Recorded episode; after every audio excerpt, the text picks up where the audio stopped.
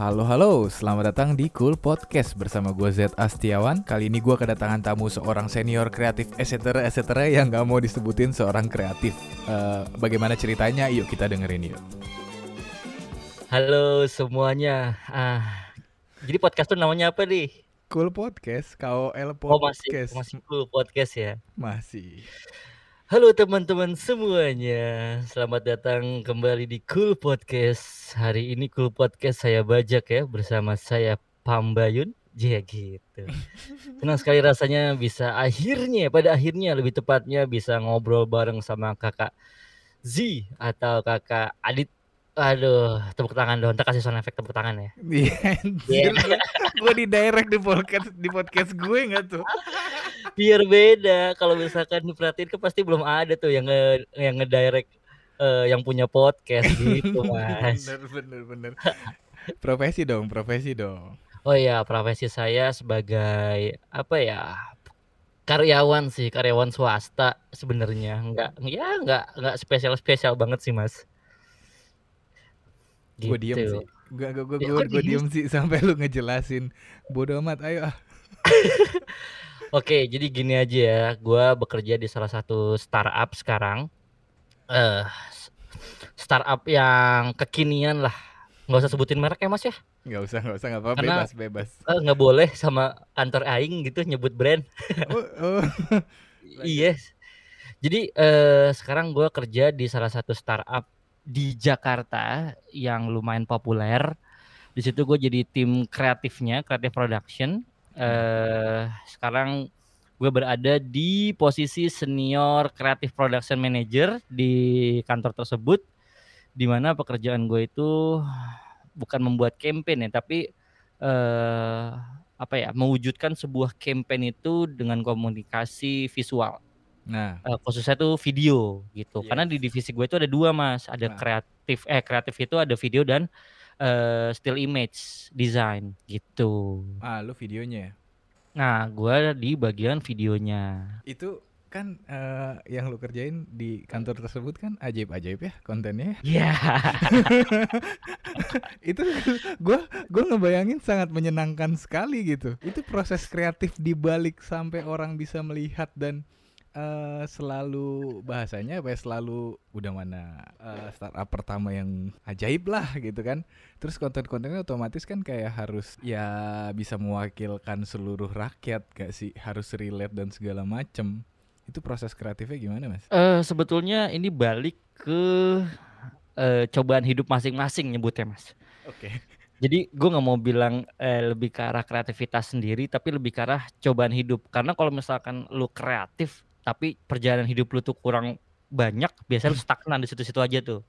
Jadi eh tipikal gue dan teman-teman gue sebetulnya nggak hanya di sini sih banyak biasanya tuh mengambil sisi kreatif itu dari slice of life kita.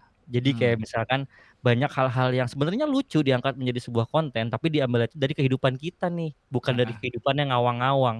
Nah, salah satunya yang bisa terjadi atau enggak akhirnya dieksekusi di eh, pekerjaan gue sekarang adalah ya based on dari slice of life yang sering kita lihat atau bahkan kita eh, jalanin Rasain. sendiri, Hmm. rasain sendiri gitu mas. Makanya nyampe itu karena ih gue Makanya nyampe nih gitu, ya gitu. kan. Karena lagi-lagi komunikasi yang terlalu hard selling juga nggak terlalu works juga sekarang. Tah, Eh oke. karena eh, udah banyak lah gini. Jadi sebetulnya komunikasi yang hard selling tetap works, tapi Hmm. balik lagi campaignnya mau di mana dulu nih? Oke. Durasinya mau gimana dulu nih? Komunikasinya mau sepanjang apa?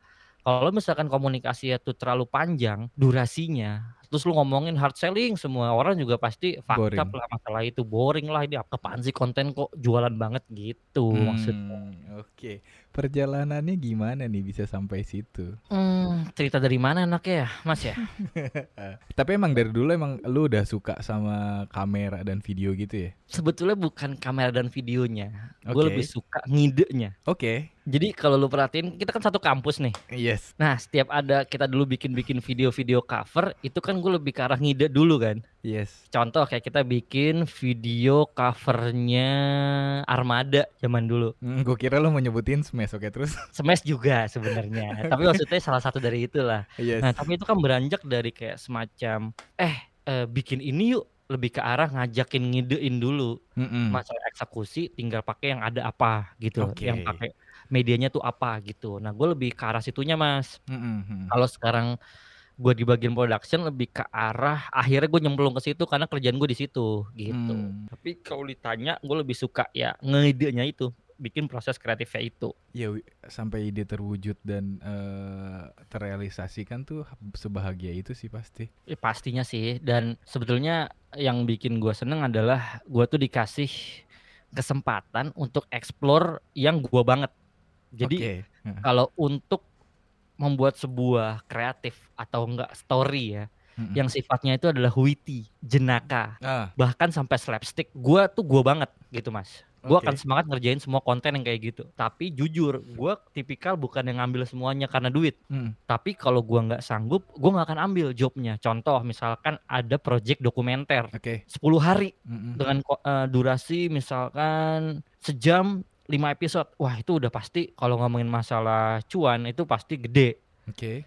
Tapi bukan capability gue atau bukan kapasitas gue untuk ngerjain konten kayak gitu. Jadi nggak gue ambil gitu. Ah, ya udah di udah ada di fase yang kayak gitu ya. Iya, Mas. Iya Eh, sih. di satu sisi kita butuh duit, tapi kadang-kadang kita realistis juga. Skill kita sampai nggak? Jangan sampai kita lying on our VC, eh CV gitu maksudnya. Yes, yes, yes, yes, yes, yes. Gue terkesima nih. Seharusnya lu yang punya podcast sih.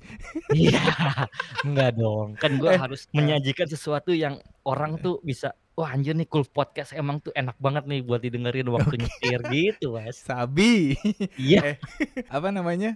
Eh, maksud gue gini. eh, banyak kan kayak gue berusaha untuk mewakilkan eh, orang-orang atau adik-adik yang mau terjun gitu mas ke dunia kreatif gitu. Menurut lo gimana nih? Prosesnya Yup. gimana sih mas? Maksudnya kayak eh, buat yang mau mulai atau gimana atau atau apa sih namanya ya terpaku mau bikin sesuatu tapi kayak ah gue nggak punya ini gue nggak punya ini gue Oke. sana." ah Gini kali ya, kita ngomongin dari role kerjaan gua dulu kali ya. yes yes Jadi sebenarnya paling enak itu gue bisa bilang kerjaan kreatif itu adalah divisi gua Mm-mm. atau enggak role gue lah sekarang gitu. Karena Hmm. lu cuman modal bahkan lu nggak ada modal, Mas. Lu cuman banyakin berdoa biar dikasih inspirasi sama Allah. iya Karena gini, logikanya begini. Kalau lu jadi seorang motion grapher, lu Mm-mm. harus punya skill menggambar Mm. yang which is itu dari Allah dan dari latihan. Yang Mm. kedua adalah alat yang proper. Mm-mm. Atau enggak, kalau gua mau jadi 3D modeling kayak lu, gua Hmm. butuh skill dari Allah dan alat yang super proper. Mm. Nah, di gua pekerjaan gua itu nggak perlu beli barang sebenarnya, Mas. nah Cuman diasah dari jadi gini, anggaplah skill dari Tuhan, dari Allah itu udah sampai ke kita. Mm. Tinggal diasah aja. Diasahnya gimana? Based on experience. oke Karena kreatif itu nggak yang literally baca gitu loh. Lu nggak mungkin baca misalnya gini. 5 syarat utama untuk membuat eh, campaign kreatif menurut Kotler. Lu nggak bisa nerapin itu plek Iya. ketiplek di lapangan ternyata. iya iya iya iya iya Iya, jadi tuh eh, gampang banget mas. Untuk mulai pertama tuh adalah yang jelas standar lah niat. oke Itu niat tuh harus harus jelas banget. Karena gue banyak nemuin begini dulu. Eh, salah satu teman gue gue wawancarain, Pam gue mau dong kerja di production house. Lu mau Hmm. jadi apa? Kayak lu aja jadi tim kreatif. Gue cuma ngelemparin satu pertanyaan mas. Hmm. Oke, lu buat sebuah ide cerita atau enggak sebuah ide campaign eh, mengenai hal yang lu suka. Lu suka apa? Gue suka olahraga. Olahraganya apa? Bola. Lu bikin sebuah konten bola yang lu banget dan belum ada.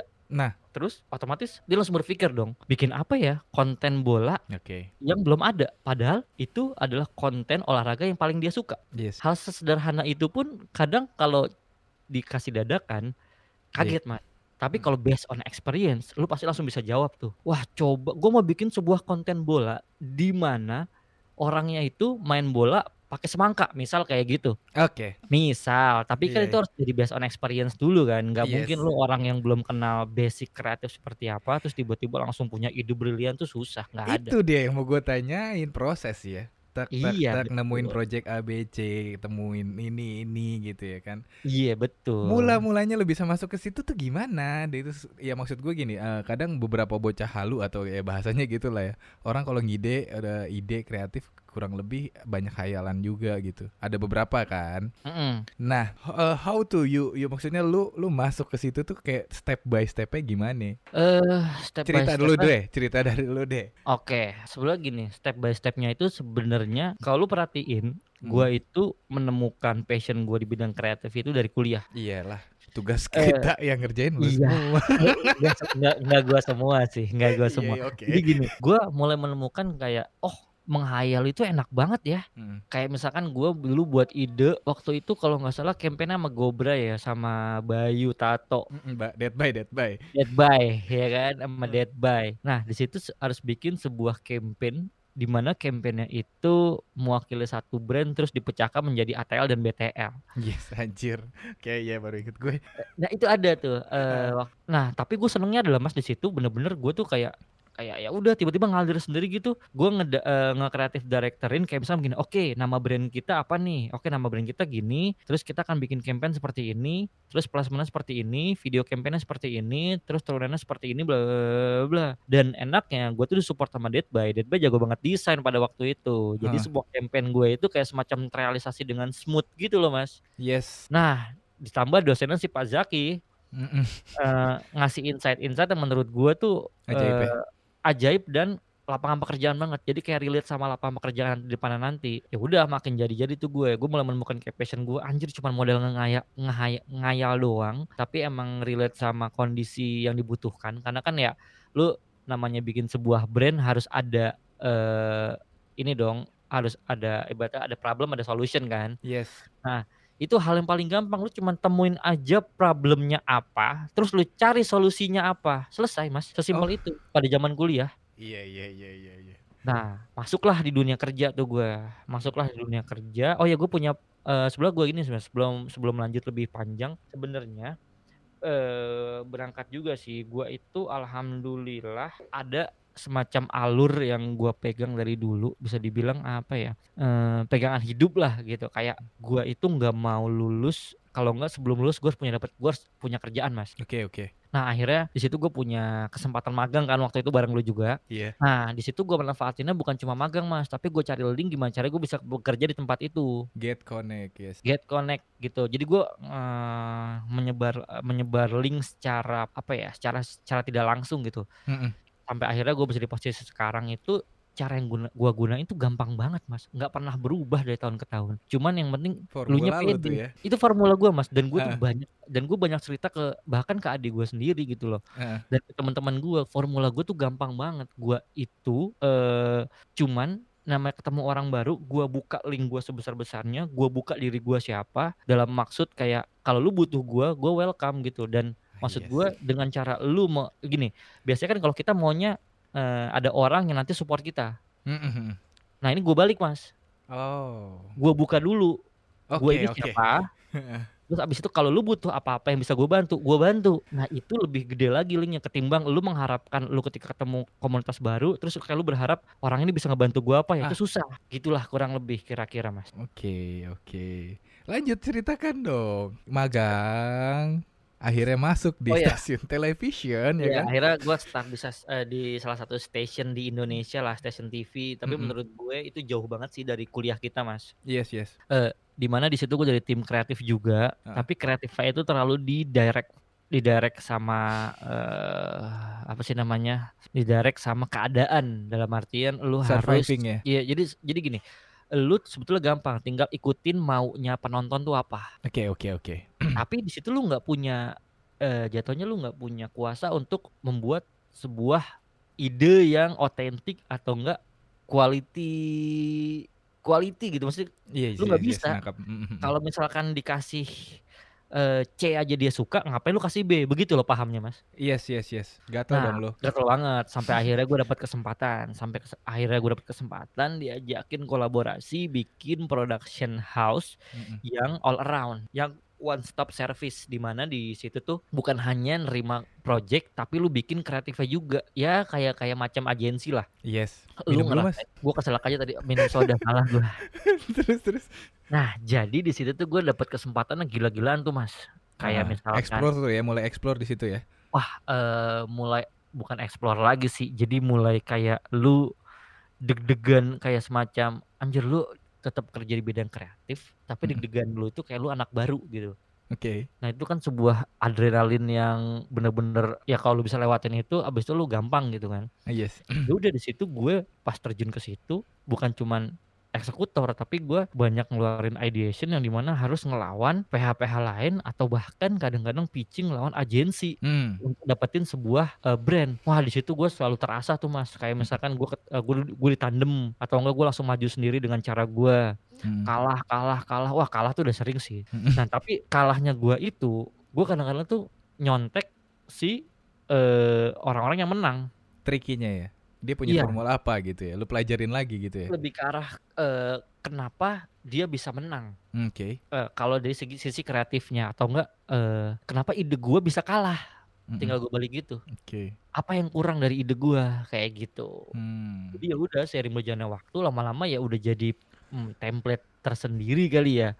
Yes, Kalau yes, yes. ya- nah sekarang eh, lanjut aja ya. Sekarang Hmm. terus kan gue berapa lama tuh gue tuh lebih dari lima tahun, lima tahunan lah ya gue di production house. Di situ gue mulai ngerasain kayak udah eh keentengan dalam artian kayak apa ya beban beban yang gue rasain awal-awal masuk production house tuh udah hilang mas kayak semacam gue udah terlalu tahu template dan pakemnya gitu Kena nyamannya kali ya. udah bukan zona nyaman lagi sih jatuhnya udah lu stagnan Oke. Nah, di situ gue mulai ngerasa kayak kok selama ini gue selalu serving brand ya. Oke, oke, oke. Apakah kreatif cuma sampai situ doang? Akhirnya gue nemuin jawaban tuh. Secara nggak sengaja ada salah satu orang dari startup yang sebelumnya juga.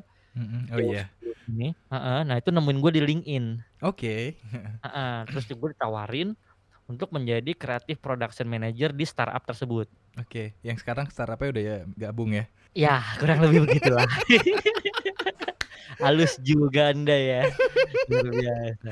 Eh, Ya, Mas, di Mas. sta- Ah, terus terus terus terus. Eh, terus akhirnya di situ tuh gue nanya, eh gue interview di situ, gue menemukan sebuah jawaban yang menurut gue menarik, mas. Oke. Jadi eh, waktu gue di production house, gue selalu bertanya, kenapa ngajak meeting buru-buru, terus tiba-tiba hiatus nggak ada kabar atau ghosting, Oke. atau enggak udah syuting tapi nggak tayang-tayang. Mm-mm, mm-mm.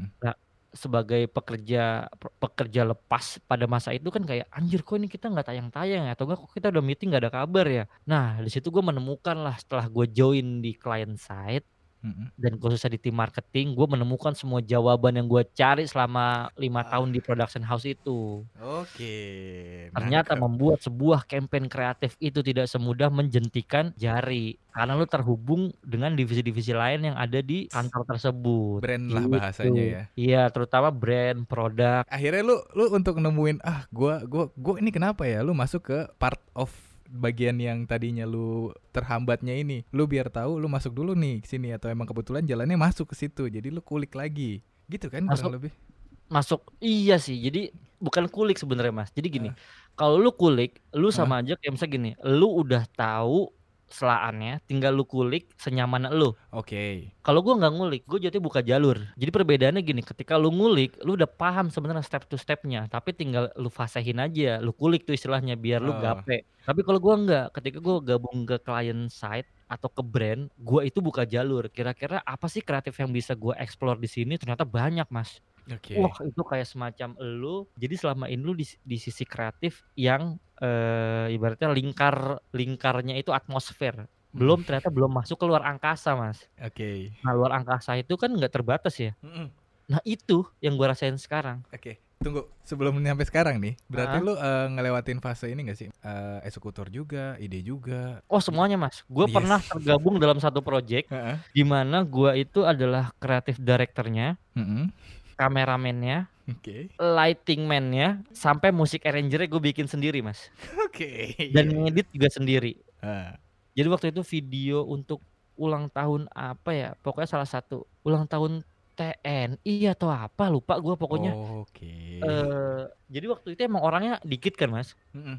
ya udahlah nama-nama lu di di sisi awal karir kan, Mhm. kita bilang aja sisi awal karir yang lu bisa apa, ya berangkat dari waktu itu kan kita komunitas Ableton ya, ya udah mulai, "Ya udah sini Mas, eee, gue coba compose musiknya deh." Ya karena urusan kayak buat kopi atau lu buat deck lu udah biasa kan, akhirnya Mhm. ketika lu nggak punya, eee, manpower buat bikinin lu musik, ya lu coba bikin sendiri aja tuh, aransemen sendiri itu bener-bener dari pra-production, production, sampai post production, sampai audio post juga lu kerjain sendiri, semuanya sih. Kalau menurut gue sih pasti semua orang ngerasain fase double job ya, nggak ada nggak nggak nggak ngerasain tuh nggak ada menurut gue. Yes yes yes yes. Sampai pokoknya gini, double job itu bisa dibilang sampai bah bahkan lu bikin kopi aja tuh sendiri gitu, pasti udah lu kerjain semuanya, sampai kopi aja lu bikin sendiri tuh pasti ngerasain sih setiap orang sih. Yes yes yes. Paling nggak ya siap-siap lah kalau buat yang inilah. Tapi sekarang langkahnya eee, generasi adik-adik kayaknya udah pada bisa lah ya, karena udah mulai, eee, jadi konten kreator juga masing-masing setiap Instagram-nya dia atau apa punnya dia gitu kan. Menurut Nah. gue ada perbedaan Mas. Oke. Kalau ngomongin siap atau enggak tuh menurut gue beda lagi seru eee, Oke. pembahasannya. Kalau ngomongin adik-adik ini ya, paling gampang itu ngomongin adik gue sendiri sih sebenarnya. Menurut gue tuh dia hanya siap kuliah tapi tidak siap lulus. Mmm. Nah itu menjadi gambaran yang paling tergambar sekarang ngomongin generasi adik gue ya, karena Mhm. gue kenapa gue ngomongin generasi adik gue, eee, ya karena biar gampang heeh. aja gitu ngebayanginnya. Mhm mhm. Dan kalau dipukul rata menurut gue sekarang adalah masuknya generasi instan Mas. Oke. Jadi generasi instan itu gini, eee, dulu gampangnya begini, dulu kalau lu mau menjadi seorang DP atau director of photography, Mhm. lu itu harus beranjak dari tukang gulung kabel bahasa gampangnya.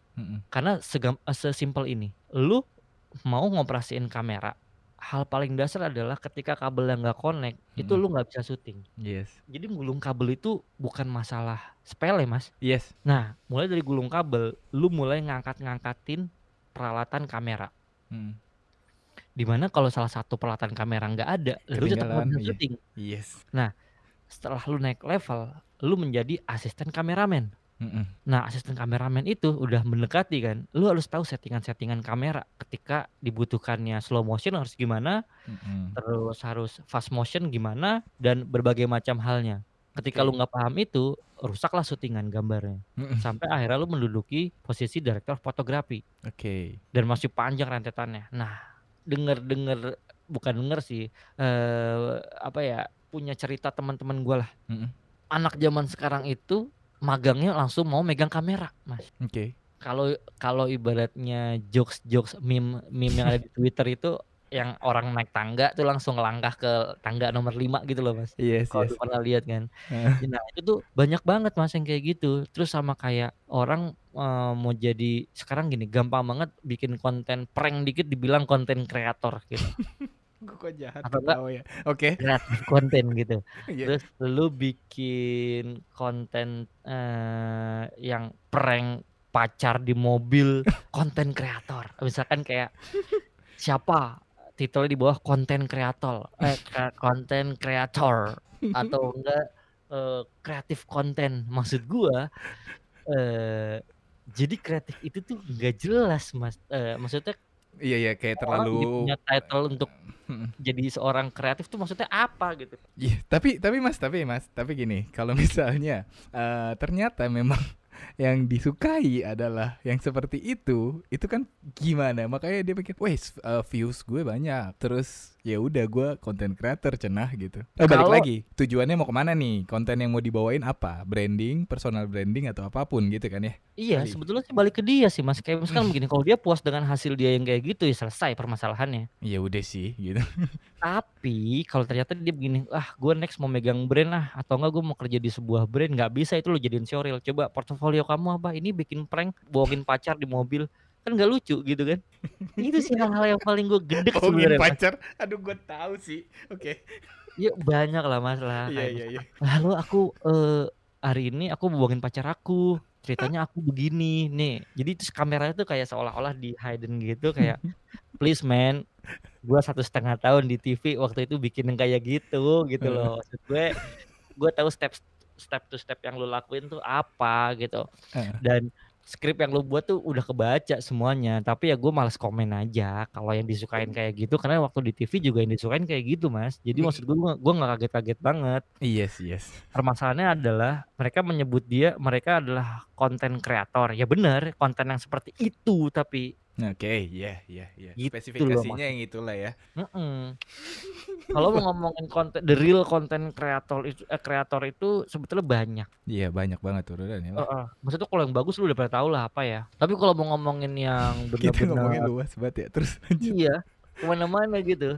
Tapi maksud gue gini, eh, kalau misalkan role-nya balik ke role gua gitu kan, Hmm, ya kalau yes. gua emang banyak orang yang bilang begini mas, mas lu kenapa nggak bikin konten YouTube gitu? Gue pengen sebenarnya, tapi kayak gua, aduh, gue bentrok waktu gua sama main project gua sama kerjaan gua gitu. Jadi Iya. kadang-kadang mau fokus di konten YouTube juga gua nggak nganggur-nganggur amat, jadi agak Iya susah sih. gitu. Tapi di sisi lain, gue tuh pengen banget bikin sebuah konten di mana tuh pengen mengedukasi eh, dede-dede yang baru mau lulus. Jadi Heeh. gue nggak bilang dede-dede fresh graduate ya, karena Iya, iya. kalau misalkan menyiapkan mental ketika lu sudah lulus itu akan berbeda. Lu Oke. akan punya mental yang terganggu karena lu disebut pengangguran. Tapi ketika lu menyiapkan mental ketika lu sebelum lulus, Mm-mm. status lu adalah mahasiswa yang mau Mm-mm. lulus. Mm-mm. Jadi lu nggak punya beban, Mas. Mm-mm. Tapi ketika lu udah lulus, terus lu dituntut untuk mencari pekerjaan, itu bebannya dua kali lipat. Yes. Lu belum punya kerja dan lu baru lulus. Tapi kalau misalkan lu belum lulus tapi udah punya kerjaan atau enggak lu baru mencari kerja sebelum lulus, nah itu tuh enak gitu kayak enggak yang terlalu dikejar-kejar waktu gitu. Paling Mm-mm. cuma dikejar-kejar lulus gitu loh. Kurang lebih begitu, Mas. Ini gue gue udah lama nggak ngobrol sama lu kali ya jadinya malah ngobrolnya ngobrol ini eh mas eh apa sih namanya eh Kita intinya putar balik lagi, putar balik lagi. kita berbalik lagi gue selalu sih kalau udah ketemu lu langsung buyar gue Iya. Jangan dong. iya jadi kayak gimana ya kayak eh karena formula lu adalah get connect awalnya gitu kan terus lu juga pernah apa namanya ngerasain semua jadi eksekutor dari hal-hal perintilan detail-detail kecil sampai untuk mendapatkan posisi yang sekarang gitu ya kan Yes, betul. eh kalau mau masuk ke brand atau enggak Hmm. konten kreator yang yang di role lu nih atau brand mau apa namanya ya ke brand lah itu menurut lo gimana baiknya Eh menurut gue sekarang kalau mau langsung terjun ke brand, Mm-mm. banyakin program internship deh. oke itu udah paling ajib banget kalau ada orang yang nggak mau ikut program internship terus semua langsung jugu-jugu masuk beda men Hmm. jangan pernah samain materi kuliah lo sama dunia kerja sesungguhnya oke gimana Udah, coba contohnya aja. contohnya begini misalkan sehebat-hebat lo dapat nilai A di kampus Heeh. lu cuman ujung-ujungnya buat kopi paling kalau jadi anak magang oke dan lu nggak bisa terjun langsung dan lu nggak bisa temuin itu di satu tempat gitu. Kayak eh, materi-materi kuliah itu hanya menggambarkan satu sampai lima persen lah keadaan sesungguhnya di lapangan pekerjaan. Dan bahkan eh, gini yang menggambarkan secara langsung lapangan pekerjaan gua adalah sidang skripsi gimana gimana gimana yang menggambarkan langsung pekerjaan gua sekarang tuh di selama kuliah cuma Oh. sidang skripsi. Jadi sidang skripsi sama dengan lu pitching lawan PH lain di depan klien. Itu udah paling mirip Mas. Jadi gini, nanti ketika kalau banyak dede-dede yang baru mau lulus di dunia advertising, jadi Hmm. manfaatin eh, ketika lu sidang skripsi sebaik-baiknya karena itu yang akan lu hadapi yes selama bertahun-tahun ketika lu gabung di agensi atau di production house yang ada kreatif eh, timnya ya di ya, mana ya, lah ya. di mana lu harus mempertahankan segala macam eh, kreatif buatan lo di depan klien lu biar bisa menang. oke berarti ada skill eh, presentasinya juga ada gitu ya bukan sekedar ngide gitu Bahkan bukan presentasi mas, storytelling. ya iya jatuhnya storytelling oke oke Iya, karena gini, eh, kalau presentasi itu jualan banget. iya iya iya Tapi kalau misalkan lu storytelling, lu bisa mengemas materi materi kreatif lu itu menjadi sebuah cerita yang akan lebih ya orang tuh denger kayak ih gue didongengin nih, gue ceritain nih. Itu lebih dapet sih mas kayak gitu. itu poin sih Hah, gila ngomong sama lu Gimana tuh sebenarnya bisa harus ada ini ada apa namanya episode episode ininya lagi karena banyak banget yang bisa dikulik sebenarnya cuman waktu Cuma waktu. Mungkin mungkin ini Mas, next Eh. time lah kalau ada sesuatu yang bisa dibahas lagi, kita bisa berjumpa lagi untuk Iya. membahas konten-konten secara berkala. Iya, kayaknya udah kita sering banget mau ngomong lu mau bikin ini, cuman ya udah waktunya sekarang udah susah. Iya mas, cuma masalah waktu. Kalau masalah ide tuh deck kreatif buat konten YouTube gue tuh udah ada lima mas. Eh kan bapak punya adik-adik yang bisa ngebantu. Nah, masalahnya mas, saya Ah. sekarang kalau cuma minta tolong itu nggak enak. Oke. Kan saya harus bayar mereka ya. Iya. Ya benar Iya. sih udah sekarang udah udah fokus sih, udah fokus sama brand ini gitu ya. Kalau dulu bisa Iya. masih bisa megang brand ini, oh yuk kita bikin ini. Ada cuan-cuan ah. samping. Kalau sekarang sudah Iya. fokus saya gitu ya. Iya, saya hanya fokus aja mas, karena agak Udah repot. nggak bisa ya. Iya betul, Iya sih, iya sih. kayak gitu. Impian orang lah punya posisi kayak lu sekarang dan bekerja di Ya sebetulnya kan, ya. rezeki. rezeki dan ada usaha dan kerja keras gitu ya. Iya bener sih, tapi kadang-kadang ya pada dasarnya manusia tuh emang susah bersyukur sih mas. Yes, yes, yes. Iya, normal lah. Ya, Normal lah. sih, iya sih. Emang kayak misalkan gini, gue pun nggak menyangka gitu, gue nggak menyangka, gue nggak bilang ini adalah the best, eh, the best Yes. eh, journey gue atau experience gue. Tapi maksud gue gini, pasti tetap manusia kan nggak akan ada habisnya ya. Heeh. Tapi untuk di posisi sekarang pun, ya gue juga nggak nyangka sih sebenarnya mas. Nggak Nah, nyangka aja gue udah, udah jalan ber- berjalan gitu aja sih. Sama ini sih mas kuncinya satu, doa serius mas. Sebetulnya perjalanan ini nih mau gue share tapi nggak bisa gue Iya. sharing sih, karena Heeh. terlalu mem- menyudut banget, menyudut banget nanti terlalu ke mana-mana gitu. Iya iya iya maksud gue berarti kan kayak poinnya kayak uh, get connect tuh sepenting itu ya ditambah Wah, emang mm, iya mm. iya. itu yang yang yang yang selama ini mungkin yang anjir gue introvert banget gue akhirnya kayak shit gue harus lawan introvert gue gitu kan emang get connect tuh sepenting itu sih ya Wah penting banget sih menurut gue karena kayak gini, gue itu orangnya nggak ambisius banget sebenarnya, Mm-mm. tapi bener-bener yang eh, let it flow aja. Tapi dari satu sisi gue juga punya target. Mm-mm. Nah ya udah target gue apa, terus kalau udah dapet jalanin dulu aja udah gitu. oke Sam- Nah sekarang ini gue kayak posisi waktu gue awal-awal pindah dari station TV ke production house. Ya udah gue mau fokus dulu aja, gue mau dalemin aja karena ini adalah sebuah hal nggak dibilang hal baru juga. Ini brand ketiga gue sih sebenarnya. Tapi maksud gue kayak di sini gue banyak ketemu orang-orang yang Mm-mm. sampai 100 kali lipat lebih gokil lagi mas pemikirannya mas. Iya iya iya Nah makanya gue kayak coba mau ah, explore aja kali ini. Ini the best sih menurut gue nih eh, ladang gue untuk belajar. jadi intinya prosesnya adalah lu dari stasiun TV ke production house terus ke brand kan gitu kan kalau mau lihat lu berarti mau lihat di linkin link, linkin aja gitu ya itu Ya. profesional banget langsung ke LinkedIn aja boleh lah. Iya, karena lu Biasa. jarang, karena lu juga jarang menunjukkan ini ya, sedikit-sedikit lah ya. Maksudnya nggak yang porto lu nggak lu taro. Iya sih mas, kayak gue bukan tipikal konten creator tanda kutip deh. Oke oke oke. Nggak, eh, nah baiknya, baiknya as profesional, lu naro portofolio eh, itu di mana? Sesuai kebutuhan. Oke, Di misalnya, LinkedIn gue taruh semua. oh LinkedIn lu taruh semua. Iya, Oke, jelas. Di LinkedIn itu adalah sebuah eh, sosial media atau platform yang orang-orangnya memang mencari Pekerjaan. siapa kita dan latar belakang kita di pekerjaan kita. oke. Berarti Menurut gua penempatan itu juga penting ya. Penempatan. Nah, nah gue concern banget sama hal-hal kayak gitu. Kalau lu lihat di sosmed gue lain yang gue jarang ngupload-ngupload untuk hal-hal yang sifatnya profesional pekerjaan gue. Oke. Karena menurut gue tidak cocok, tidak terlalu cocok untuk eh, memamerkan itu di situ. nggak nyampe juga gitu jadinya nanti ya. Iya, jadi target gua marketnya gua juga meleset sih mas. Anda Soalnya gini, Oke.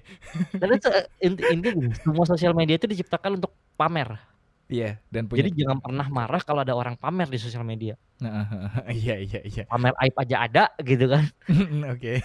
Iya, apalagi pamer prestasi gitu. Nah, gue mencoba mengkelompokkan eh, beberapa portofolio gue itu hanya di LinkedIn yang sangat lengkap. Oke. Nah, sisanya gue bikin juga di Instagram kedua gue, tapi hanya portofolio eh, video. Yes yes yes. Nanti, nah sebetulnya ya di YouTube ada juga itu di YouTube lah itu gue unlisted juga sih portofolio gue ada dua sisi di video directing plus di creative directing itu gue udah pisahin juga sih nah itu gue keluarkan kalau ada orang yang nanya tapi kalau ada orang nggak nanya ya nggak gue keluarin sih Ah, gue nangkep. Lu memang sudah memilah. Oke, oke, oke. Ya, oke. Intinya gitu. memilah. Gue pikir kayak kayak kalau eh, ada beberapa kan yang naruh oke gue nyebar benih aja. Tapi kalau lu emang udah target anak advertising banget sih ini anak. Ya gimana ya, kita kuliahnya sama mas. iya iya bener bener bener. iya mas, karena eh, tebar benih itu bahaya menurut gua. Iya sih. Gimana coba bahayanya gimana? Ada satu sisi kita ngomongin positifnya dulu ya. Oke. Positifnya adalah orang yang nggak kenal lu jadi tahu lu siapa. Oke. Negatifnya ya, Mm-mm. orang akan mikir lu nggak ada kerjaan banget apa tebar-tebar asal-asalan kayak gitu. Oke, iya iya iya. Jadinya seakan-akan kurang valuable juga sih. Kayak, Iya, Lu jadi kayak tempatin aja deh gitu ya paling enggak sarannya. betul betul. Jadi kayak sengaja gue tempatin. Heeh. O- Kalau orang bertanya, gua kasih. Lu mau apa? Gue mau real video directing lu dong. Wah, gua kasih yang video directing only. Oh, Heeh. gue mau real yang creative directing only. Oh, gua kasih. Jadi sesuai kebutuhan aja, nggak usah pamer semuanya. Kadang berlebihan tuh sifatnya nggak baik, mas. Iya iya oke. Eh, ini nyambung sih buat anak-anak grafis juga. Ini kan lu kan video nih ya. Buat Ya. anak grafis kayak penempatan apa namanya di portofolio, lu branding as branding logo dan segala macam ya lu bikin portofolio sendiri buat branding gitu. Lu Iya. misalnya buat sosmed ya lu bikin sendiri, jangan semuanya kalau enggak ntar ketemu kantor yang jahat lu kena juga sih. Iya betul.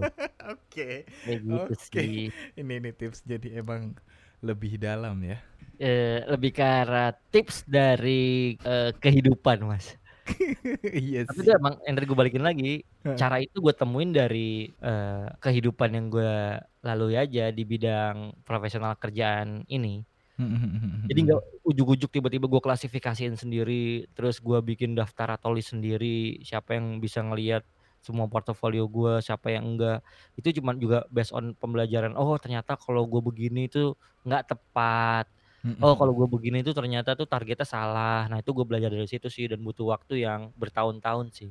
Yes yes yes yes. Ya harusnya anak zaman sekarang bisa lebih adaptable mas mengenai situasi sekarang ya. Kalau dia bisa memanfaatkan situasi dan teknologi lebih canggih lagi, gitu. Oke, berarti kalau yang dengerin podcast gue emang sengaja beliau ini orangnya misterius. Kalau emang mau tahu kepoin aja Instagramnya, kepoin Nggak, LinkedIn-nya. Di situ baru kelihatan as profesionalnya gitu. Sebetulnya saya biasa-biasa saja. Instagram saya jarang update, stories saya kucing semua isinya. Ya itulah. Tapi tetap mas, namanya Eh. orang itu butuh apresiasi kan. Pada umumnya mau bersifat langsung atau enggak. Yes yes. Ya terkadang gue juga menunjukkan, tapi maksud gue intensitasnya itu tidak sering. Ah, ah, ah, ngerti. hanya gitu aja ya 10 banding satu lah ya karena lebih sering gue bertemu kucing ya jadi yang gue upload kucing terus aja gitu loh Iya masa di rumah masih mau update kerjaan ya? ini kadang-kadang so- soalnya kayak misalkan lu ngupdate kerjaan teman-teman lu kasihan kali masa dia pengen lihat sosmed buat seneng-seneng kita kasih tau kerjaan kita tambah pusing dong Hmm, sabi juga bapak ini pantesan. Iya iya iya iya. ya iyalah soalnya gini gue misalkan gue mau ngelihat aduh gue pusing nih sama kerjaan gue seharian terus gue ngelihat konten teman-teman gue di sosmed eh wah pusing banget nih sama kerjaan gue yang begini gini gini Iya gue itu vibes jadinya ya ke bawah Iya lagi. Jangan dong. Kasih kucing aja, kasih kucing. Oke oke oke. Aduh, kebiasaan gua kalau ketemu lu Mas. Eh, apa namanya kuncinya tadi tuh udah dijabarin kalau emang dengerin dengan baik semua ada proses sih sama cuman for tips dari Mas Pambayun yang bisa diambil tuh get connect sebisa mungkin pas lagi oh iya, satu. Ah, ah. Nih kalau mau di highlight Iya. eh, perbanyak koneksi dan perbaiki attitude, Mas. oke attitude Nah, itu dia tuh perbanyak koneksi dan perbaiki attitude. Dah itu doang dua dua dua eh satu kalimat itu sih yang menjadi kunci. eh gue mau nanya soal attitude tuh maksudnya bad and goodnya gimana nih gitu Gimana ya? Ya, intinya semua orang kalau dibilang nggak ada attitude loh, gitu kan berarti kan nggak ada sesuatu yang hilang kan? Iya Nah sebetulnya susah juga sih mas untuk dideskripsikan. Intinya kita tahu lah eh, contoh sebuah attitude yang baik itu seperti apa sih dan Hmm. bad attitude itu seperti apa sih. Nah maksudnya gitu aja udah mau koneksi lu banyak tapi attitude lu jelek, jadinya lu di koneksi itu jadi terlihat jelek gitu. eh kita tuh orang timur ya. All Hmm. orang timur itu menghargai banget eh, orang yang lebih tua. Bukan berarti orang tua yang di bawah kalian skillnya itu tidak harus dihormatin. Maksud gue sesimpel kayak lo ketemu senior tapi skillnya di bawah lo, dia tetap senior lo. Hmm, oke Nah, gimana cara hormatnya lu pikir sendirilah. Masing-masing circle punya cara apresiasi sendiri kan. Ah, Nah, terkadang itu nggak kita temuin tuh Mas, eee, Heeh. kayak ini gua bocorin aja lah gini, Heeh. jadi waktu itu ada sebuah produksi untuk sebuah e-commerce mhm, di eee, itu menggunakan sebuah tim baru lah, ini bisa dibilang baru lulus pada gitu. hmm, Nah, tapi yang bawain alatnya semua experience experience semua. Oke. Wah, bukan experience lagi dah, itu udah ngerjain segalanya mulai dari film, iklan, semuanya udah ada. Oke. Tapi emang bantu setup aja. Terus tiba-tiba, eee, salah satu kru itu emang ribet banget, ribut-ribut ini itu setting up setting ini. Ya kita-kita yang udah biasa nanganin kayak gitu kayak ketawa-tawa doang kan, sampai Oke. pada akhirnya di kita dilayanin terus tuh, "Oh ya udah mau diapa mau apa mau apa." Oke, sampai akhirnya syuting selesai, terus dengan entengnya dia ngomong begini ke salah satu kru gua. Hmm. Jadi, "Hari ini pelajaran apa aja yang bisa lu dapet?" "Men, itu anak baru lulus kemarin ngomong sama orang yang udah berkecimpung dunia produksi 5 tahun." Bayangin Mas, di mana attitude-nya. Oke. Selama Oke. produksi yang nolongin dia itu si temen gua. Terus Heeh. tiba-tiba selesai produksi, dia bilang, "Jadi ilmu apa yang bisa lu dapetin selama seharian ini, selama produksi ini?" Temen gue cuman senyum, ketawa, terus cabut. Dan itu jadi bahan omongan sampai sekarang Mas. Nah, sesimpel itu sih Mas. Oke oke, itu ngaruh sih ya. Oh, ngaruh banget itu mah. Jadi ya buat Dede-dede, inget ya Dede-dede, eee, mendingan lu nggak punya skill tapi punya attitude, daripada lu punya skill tapi nggak punya attitude. Itu Tapi emang kadang gitu sih, ngerasa punya skill jadi, "Eh, gua kan bisa ini, gua kan bisa itu." Ya ya ya Iya, ya. kan nonton YouTube. Pedes banget ah. Iyalah, coba lu ikut bimbel. Zaman dulu mahal, nggak ada di YouTube, nggak ada ruang guru. Uh, susah lu. Sekarang kan ada YouTube aja lu jadi, Bisa pada ini itu ini itu. bisa ini itu. Tapi dia nggak gini, orang-orang tuh pada pada lompat Mas, ngelupain basic, langsung mau ke skill Ah. tingkat atas gitu. Iya, padahal kalau lu tahu basic lu bisa ngembangin ke mana-mana ya. Iya, intinya tuh tahu basic dulu baru di-explore. Ini udah nge-explore dulu, basicnya nggak tahu, ya kelabakan lah ke mana-mananya. Susah. Ini pesan sindiran podcast gua pertama kalinya sih menyindir. Maksudnya bukan menyindir, eee, menyentil sekali dan saya butuh juga kadang. Iya, kadang-kadang emosi itu tak terkendali Mas. Terima Tapi itu kasih. based on based based on based on Experience. realitas ya, experience. Itu banyak banget yang kayak gitu Mas. Mhm, Cuma tapi modal YouTube masalahnya. iya, gua juga gua gua generasi modal YouTube lagi, Mas. Ya gue tau lah lu kalau kalau gue balikin ceritanya bisa jadi 2 jam lagi nih gue nyeritain Iya, nih. masalahnya gini, ini Mas Pambayun, Pambayun ini ngomongnya pedas tapi buat yang dengerin mendingan lu bae-baein. Karena dia tidak menyebutkan dia kerja di mana ini ini cuman lu kulik aja deh intinya. Ya, jangan ngobrol sama saya lah kalau nggak mau dipedesin ya.